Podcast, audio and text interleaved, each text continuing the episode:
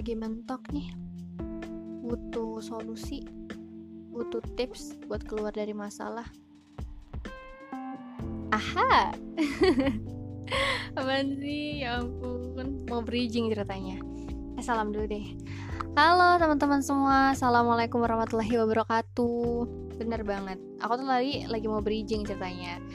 Mau masuk nih kita ke bab tips praktis di buku Nengkoala ada dua kisah yang akan aku angkat sama-sama dari penulis yang sama yaitu Kamelati. Jadi di sini ada tips-tips yang bisa kalian gunakan ketika kalian berada di luar negeri. Nggak harus di luar negeri juga sih. Di Indonesia juga bisa.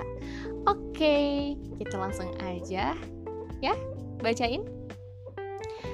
Judulnya Masak Cepat buat Mahasiswi Super Sibuk. Ini cerita yang pertama ya. Ditulis oleh Melati, Kak Melati. Ketika masa-masa Simon sudah mulai melanda, mahasiswa yang doyan masak sekalipun pasti merasa tidak punya waktu untuk masak beneran. Buat yang nyari praktis, sudah hampir pasti beli makanan jadi di restoran cepat saji. Namun sekali makan di luar, paling sedikit akan menguras kocek sebesar 8 dolaran. Sepaket burger, kentang goreng, dan minuman ringan di Hungry Jack saja kurang lebih seharga 10-12 dolar. Hmm, mahal ya. Kalau terus-terusan jajan, bisa bangkrut juga. Ada pula trik beli makanan dari restoran kampus ketika tokonya sudah mau tutup. Lumayan banget bisa beli kotak nasi lengkap dengan lauk sayur dan daging seharga 4 dolar aja. Oh, jadi tipsnya yang yang pertama adalah kalau mau makan murah, beli di restoran yang hampir tutup kampusnya gitu. Jadi bisa dapat murah. Oke, okay, next. Buatnya masih bisa menyempatkan masak tapi ingin cepat, paling beli nugget, sosis, telur, atau mie goreng. Kalau yang terakhir itu bukan cuma mahasiswi Indonesia do yang doyan. Sudah beberapa kali kulihat mahasiswa-mahasiswa dari Cina dan India masak mie goreng di dapur asrama mahasiswa. Kayaknya mie itu emang jadi ini ya, selera rakyat gak sih? Semua orang tuh suka mie. Bagi yang mampu meninggalkan selera makan Asia, hidup akan terasa lebih mudah jika mengadopsi selera makan orang-orang lokal Australia. Makanan sederhana yang gampang diracik biasanya sandwich yang isi keju, selada, telur, tuna, atau bahan makanan apa pun yang kita suka. Lumayan juga lumayan juga sih kenyang gitu. Bagi yang kangen makan agak berat dan rela meluangkan waktu sedikit untuk masak, bisa juga mengikuti resep mudah dan murah berikut. Resep ini ketemukan di salah satu koleksi buku resep perpustakaan umum di Canberra. Nama makanannya adalah roasted chicken sour cream. Bahan-bahannya gampang banget. Pertama, 1 kg sayap atau paha ayam. Yang kedua, garam secukupnya. Dan yang ketiga, 250 ml sour cream itu dijualnya di Australia ya. Coba cari di Indonesia ada atau enggak kalau misalnya kalian mau cobain.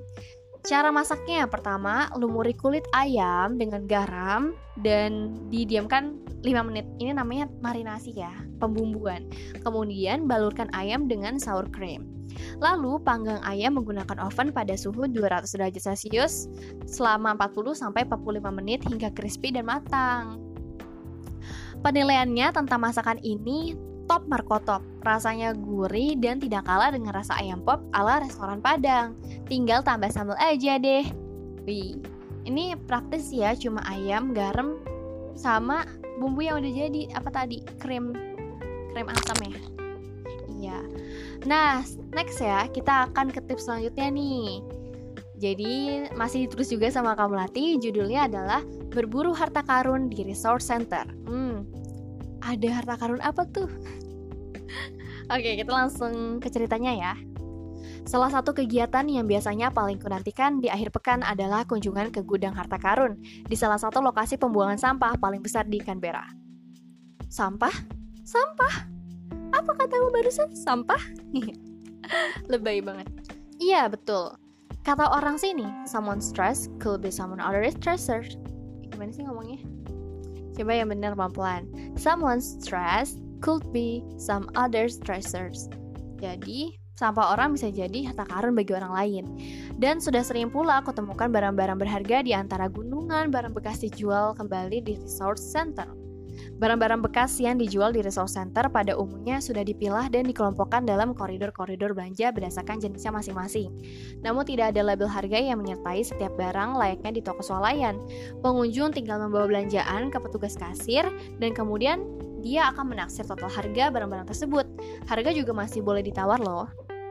Lumayan lah, waktu itu kami membeli rak buku dua tingkat seharga 5 dolar, penggorengan 1 dolar, dan tong sampah 50 sen. Keranjang piknik vintage pun hanya 3 dolar.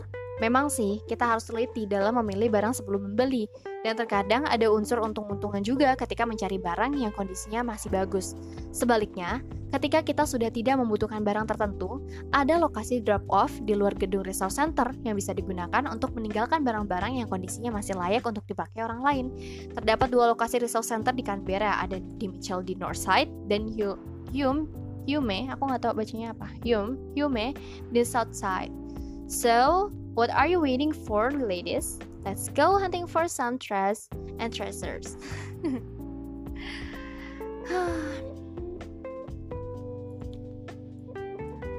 Bukan N ya, tapi in. in treasures. In atau N? Let's go hunting for some treasures and treasures. Hmm, oke. Okay never mind. Tapi pokoknya intinya ya itu ada tadi tipsnya pertama kalau misalnya lagi buru-buru untuk makan sama yang kedua untuk dapat barang-barang yang punya harga miring. Karena ya di Australia kalau beli barang entah di Australia atau di negara lain juga tapi yang jelas kalau misalnya di Australia itu barang-barang baru harganya biasanya mahal.